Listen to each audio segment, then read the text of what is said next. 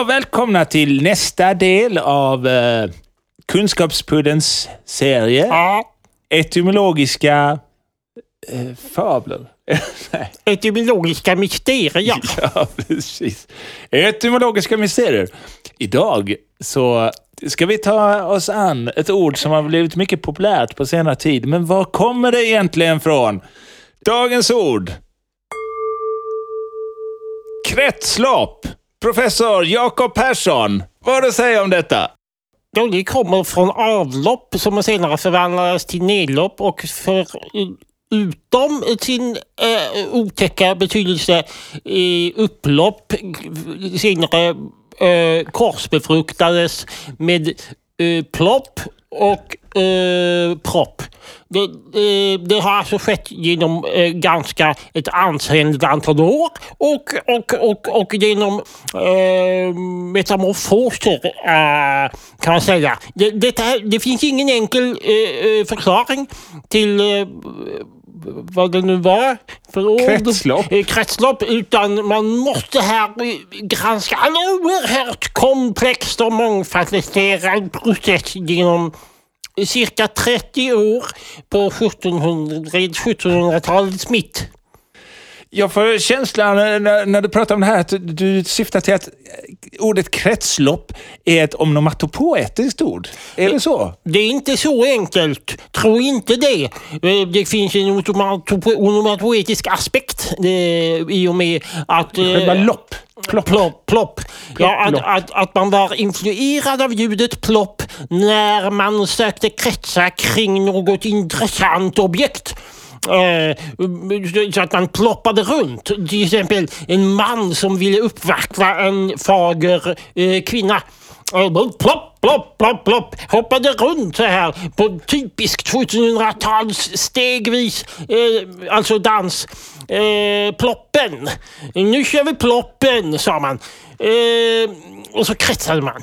Kretsade och, och det var oerhört populärt. Eh, om än något skrämmande ibland för eh, kvinnan. Eh, det, eh, Ja, det, det, är inte så lätt alla gånger. Kan man, man kan tro, eh, när man hör experter tala om sådana här saker, att det finns en enkel förklaring till allting. Men så är det inte. Eh, kretslopp eh, fick också en helt ny vinkling på, mot slutet av den här 30-årsperioden eh, när man upp när velodro, cykelvelodromen uppfanns eh, så, med sin, sina serveringsstånd i mitten eh, och där cyklarna kretsade runt. Eh, cykelkretsen eh, i sig som är Kapslad med hjälp av kedjan eh, var det man först såg likhet mellan själva kedjans eh, ellips och velodrombanans eh, eh, samma. Hur, hur, kom sen kopplingen till det mer ekologiska systemet som vi idag använder ordet till? Hur, hur gick det vidare?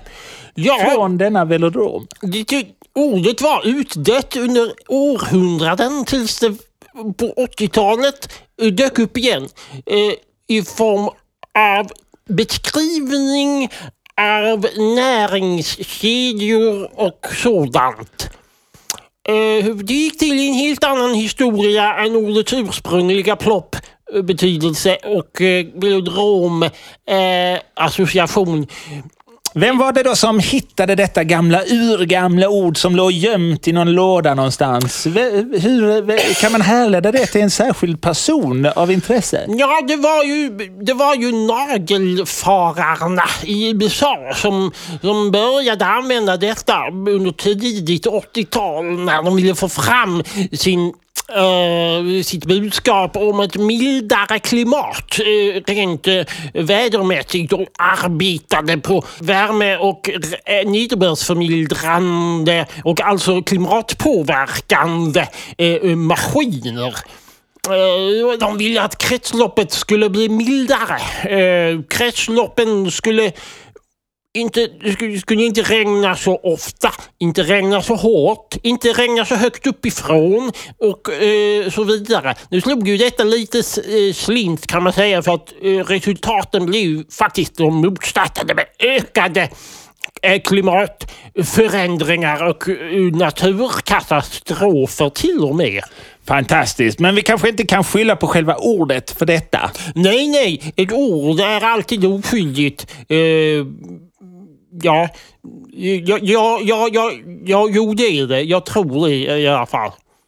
Tack så hemskt mycket för den här uh, strålande beskrivningen av Ja. ett ords Ja, tillkomst. tack, jag hoppas att jag kunde göra det mycket tydligt i detta oerhört komplexa fenomen. Det tycker jag.